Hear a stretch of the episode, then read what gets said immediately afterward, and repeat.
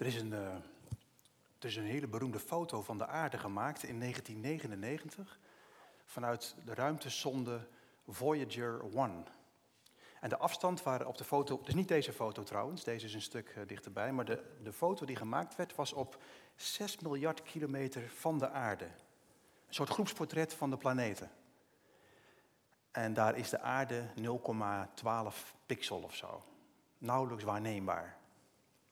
En die foto kreeg als titel mee A Pale Blue Dot. Een bleek blauw stipje. Dat witte blauwe bolletje, wat wij aarde noemen, is niet meer dan een knikker in, het, in een immens groot universum. Een universum waarin we tot nog toe geen planeet hebben gevonden waar mensen zouden kunnen leven. En uitgerekend op dit kleine witte bolletje is er een dampkring die zo specifiek is samengesteld uit zuurstof, stikstof en kooldioxide in de juiste verhoudingen dat wij mensen er kunnen leven. En nergens op deze aardbol wijkt de temperatuur te ver af van een gemiddelde van 12 graden, zodat er dierlijk, plantaardig, menselijk leven mogelijk is. Vandaag lezen we van de Heer is de aarde en alles wat daar leeft. God heeft deze aarde heel precies gemaakt, heel kundig, en heeft er zijn ziel in uitgegoten, zoals Mozart zijn ziel uitgoot in zijn, in zijn muziekstukken, zoals we van Gogh proeven in zijn schilderwerken. Zo heeft God zijn hart uitgegoten in dat kleine witte blauwe bolletje. En toen heeft hij een enorm risico genomen en dat prachtige werkstuk uit handen gegeven. Aan mensen, om er zorg voor te dragen, om haar te koesteren en lief te hebben en er uitbundig van te genieten. En in onze tijd wordt steeds pijnlijker duidelijk dat we die opdracht niet zo goed vervullen. Vandaag Middag 2019 verscheen een rapport van de VN. U hebt er misschien vandaag over gelezen of iets over gehoord in de media. Een vierjaarlijkse total body scan, maar dan van de planeet Aarde. Elke vier jaar gebeurt dat. En de titel die dit rapport meekreeg was Healthy Planet, Healthy People. Gezonde planeet, gezonde mensen. En de diagnose wordt elk jaar, elke vier jaar verontrustender. De aarde is ziek en, het, en de patiënt verkeert in kritieke toestand. Ik citeer nu even uit een kort verslagje uit het dagblad Trouw van vanmorgen. De biodiversiteit holt achteruit, grote gebieden dreigen onleefbaar te worden, lucht en water zijn te zeer vervuild, land verliest zijn vruchtbaarheid de planeet moet echt een stuk gezonder worden. En zegt het VN-rapport, het kan nog, maar, en ik citeer nu, dan moet de hele wereld als de sodemieter aan de bak.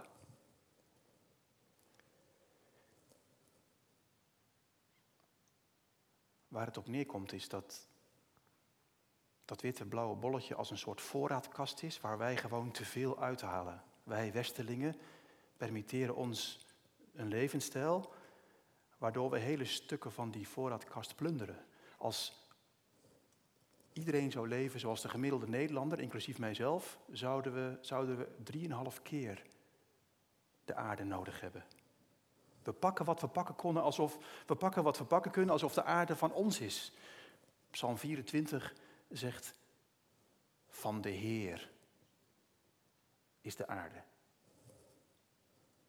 Signalen dat het niet goed gaat met de aarde dringen steeds meer door. Maar er zijn nog heel, hele volkstammen die wegkijken. Een politieke partij als de Forum voor Democratie spint er garen bij. Baudet zei afgelopen zaterdag, had het badinerend over een seculiere zondvloedmythe.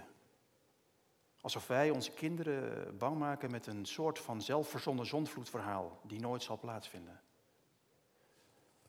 Al dus Baudet. Niet erg gelukkig gekozen beeld, want die zondvloed kwam wel. Wie, wie wegkijkt van de signalen is als de mensen die op het bovendek van de Titanic leven. U kent de film, Jongens en meisjes kennen het beeld. Het schip heeft de ijsberg inmiddels geraakt. Er stroomt water binnen, maar op de dansvloer blijven de mensen rustig doorschuifelen en hun polonaise lopen. Sommigen proberen nog zoveel mogelijk van het buffet mee te grabbelen. Als ik me goed herinner is er zelfs een muziekgroep die, terwijl het schip al gevaarlijk begint te kapseizen, fijne geestelijke liederen blijft zingen. Terwijl het hele zaakje begint te kapseizen en op de onderste dekken de allerarmsten verzuipen als ratten. Wij rijke Westerlingen, ik sluit mezelf in, leven alsof we in de eerste klas Titanic leven. Going Titanic First Class. Ik las van de week een boek dat heet Het Groene Hart van het Geloof. En de schrijver, Dave Bookless, beschrijft hoe hij wakker werd uit die slaap. Hij was met zijn gezin aan het vakantie vieren op een eiland ergens. Prachtig, heerlijk, gezellig, fijn. En op een avond was hij bezig om het huisafval van zijn gezin weg te brengen. Hij liep daar met twee vuilzakken naar de container. En hij had het kunnen missen, maar hij hoorde ergens diep in zijn ziel een stem die zei: Hoe denk je dat ik me voel over wat jullie met mijn wereld doen? Een boekele staat daar dan, met die twee vuilzakken die hij in zijn, als hij gewoon thuis was, gedachteloos in de containers, in de kliko's mikte.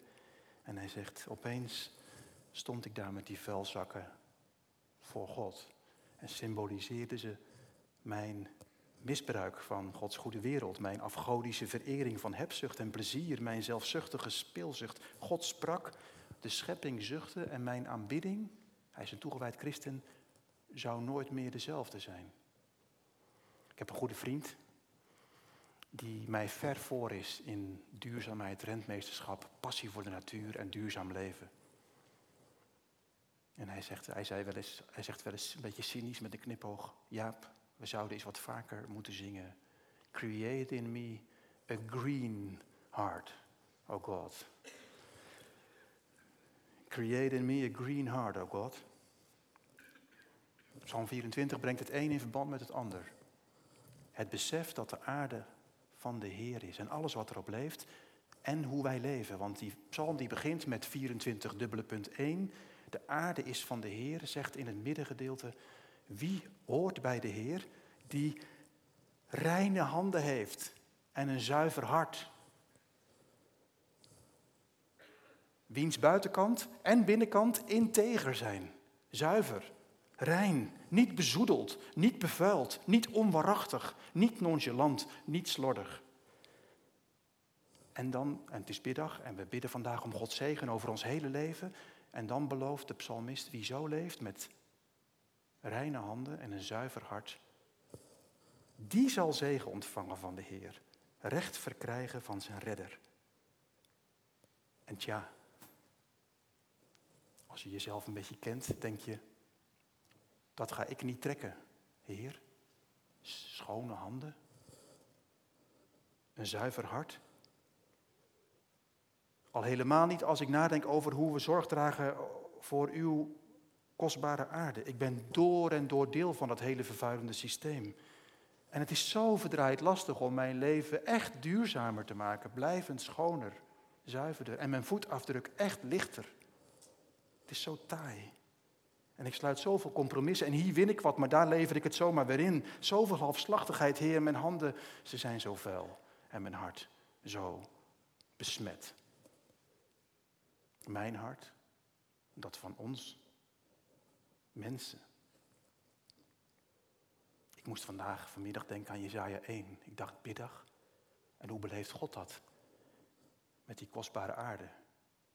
En de mensen daarop. En hoe ze ermee omgaan. En dan bidden. In Jezaja 1 zegt, zegt de Heer, wanneer jullie je handen opheffen, wend ik mijn ogen af. En als je aanhoudend bidt, luister ik niet. Want aan jullie handen kleeft bloed. Was je, reinig je, Vermijd alle kwaad en leer goed te doen. Dat is wat ik op mijn hart heb voor vanavond. Een uitnodiging aan u en jou en aan mezelf om deze dag ook te gebruiken als een dag van verootmoediging. Van waarachtigheid. Van bekering. Psalm 24 houdt ons vanavond een spiegel voor. Van de Heer is de aarde en alles wat erop leeft En hij zegent ieder die vanuit dat besef voor de aarde zorg draagt. Met reine handen en een zuiver hart. En als je denkt, nou laat maar zitten dan, dat, dat ga ik niet redden. Precies dan zegt de psalmist er nog iets bij, voordat je afhaakt. Hij zegt, dat, die zegen, dat recht, valt ten deel die u zoeken, die zich tot u wenden. En dat is een bemoediging, toch? We hoeven niet ons hele leven te zuiveren en te reinigen en met een piekfijn leven voor God te staan, maar we mogen Hem zoeken en de reiniging en zuivering van Hem ontvangen. Het gaat om de richting waarin je leeft. Niet om het af te zwakken, maar om, het, om de menselijke maat daarin te zoeken. Gods menselijk genadige maat. Dit valt ten deel aan wie Hem zoeken, aan wie zich tot Hem wenden. Ik vind het een realistisch woord in deze thematiek, zoeken. Het is taai, het is ingewikkeld, het is complex. Maar we mogen ons naar uitstrekken. We mogen erop gespitst zijn om met meer eerbied en met een zachter hart door deze wereld te gaan, in kleine dingen. Met eerbied voor de God van wie deze aarde is. Dat is het volk van Jacob, zegt, zegt de psalm. Dat vind ik zo mooi, hè? Je zou er zo overheen lezen. Maar er zijn in de Bijbel een paar namen voor het volk van God, voor u en mij. Eén daarvan is Israël, dat is de overwinnaarskant. Dat is als we onze overwinningen vieren. Jezurin is ook zo'n woord. Dat is hoe God ons het liefst ziet. Onze, onze versie 2.0, zoals God ons bedoeld heeft. Jezurin, Israël, maar er is ook de rommelige, ingewikkelde, taaie kant van onze werkelijke leven van elke dag. En als dat bedoeld wordt, dan wordt daar Jacob gezegd. Dat is Jacob. Rommelig, ingewikkeld, halfslachtig, vol compromissen.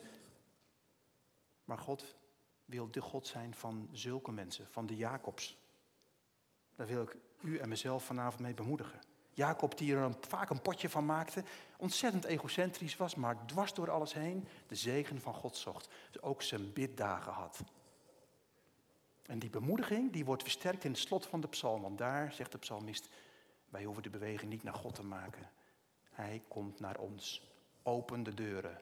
Laat hem binnengaan de Heer van de hemelse machten. Hij komt naar ons in deze bezoedelde, vuile planeet. Nog even naar dat witblauwe bolletje. Ik las in een boek van G.B. Phillips dat, uh, een mooi verhaaltje, wat jongens en meisjes ook misschien wel kunnen onthouden. Het is een soort oudere engel die een jonge engel door het universum leidt, een soort, soort tour geeft.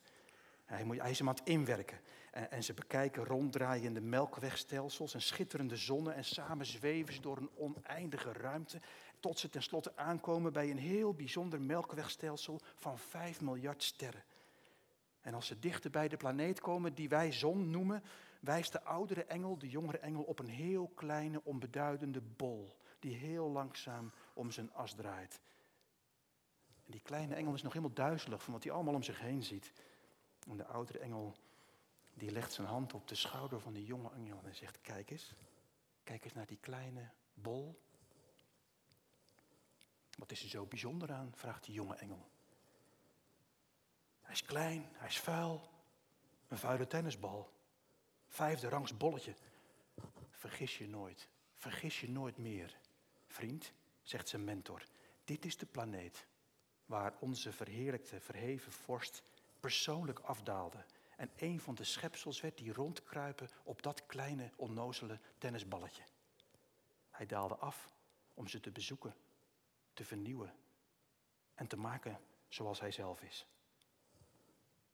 Kleine engel bleef een poos verbijsterd staren naar het kleine witblauwe bolletje tussen al die andere, veel imposantere planeten. En wij weten wat die oude engel misschien niet zich realiseerde. Jezus kwam niet alleen om de mensen te verlossen, maar om de hele kosmos te vernieuwen en te redden. Johannes 3, vers 16. Want God had de kosmos zo lief dat hij zijn zoon gaf.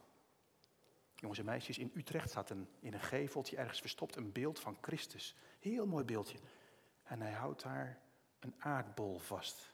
En er staat in het Latijn ondergeschreven: Christus Salvator Mundi. Christus, de redder van de wereld. De keizers noemden zich vroeger conservator mundi, degene die de wereld in stand zou houden. Maar Jezus wordt in dit beeld afgebeeld als iemand die de wereld niet in stand houdt, maar vernieuwt en weer tot haar bestemming brengt.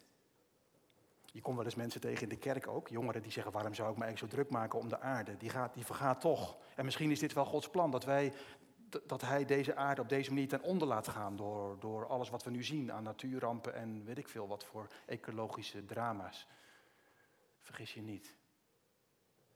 Deze kleine bol zal nooit vergaan, maar overgaan, getransformeerd worden, door het vuur heen verlost worden. En iedere poging die we in Jezus' naam doen om voor deze kostbare planeet te zorgen, voor wie Christus zijn leven gaf, is doen waarvoor we op deze aarde zijn. U heeft vast gehoord van de, van de milieuorganisatie Arosha. Die heeft ook een Britse tak. En die hadden ooit een campagne. Living lightly. 24, dubbele punt, 1. 24, 1. Living lightly. En hun, de, grondgedachte was deze. Laten we elkaar in Gods naam niet verlammen met een enorm schuldgevoel. Ook niet op avonden als deze. Schuldgevoel verlamt en helpt ons niet verder. Laten we mensen zijn van hoop. God gaf zijn zoon voor deze aarde. Laten wij hoopvol zorg dragen. En die ene zin uit Psalm 24 met ons meedragen. In ons hart laten schrijven door de geest. Van de Heer is de aarde en alles wat haar leeft. Die ene zin heeft de potentie in zich om ons hele leven te vernieuwen.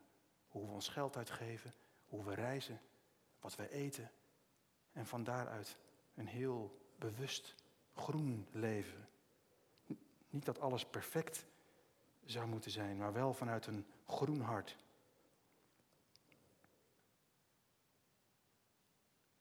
Wat zou het mooi zijn als Kruispunt Vathorst in deze wijk, in deze stad, zo'n bekend zou staan, meer en meer als een oefenplek. Waarin we samen het goede leven inoefenen en anderen erbij betrekken. Een plek waar als je binnenstapt je voelt, hier is het goede leven, hier proef ik het. In hoe we met elkaar ook omgaan, met Gods goede schepping. Het filmpje, het laatste zin van het filmpje was, de hele schepping kijkt rijkhalzend uit naar het openbaar worden van de kinderen van God. Ontroerend, vind je niet? Zie in gedachten een zeemeeuw bevlekt onder olie. Zie ergens een vis verstrikt in plastic wat daar rond zwerft rijkhalsend uitzien naar waar zijn ze? Gods kinderen. Zij die, als zij, als wij voor deze aarde geen zorg dragen, wie dan wel? Amen.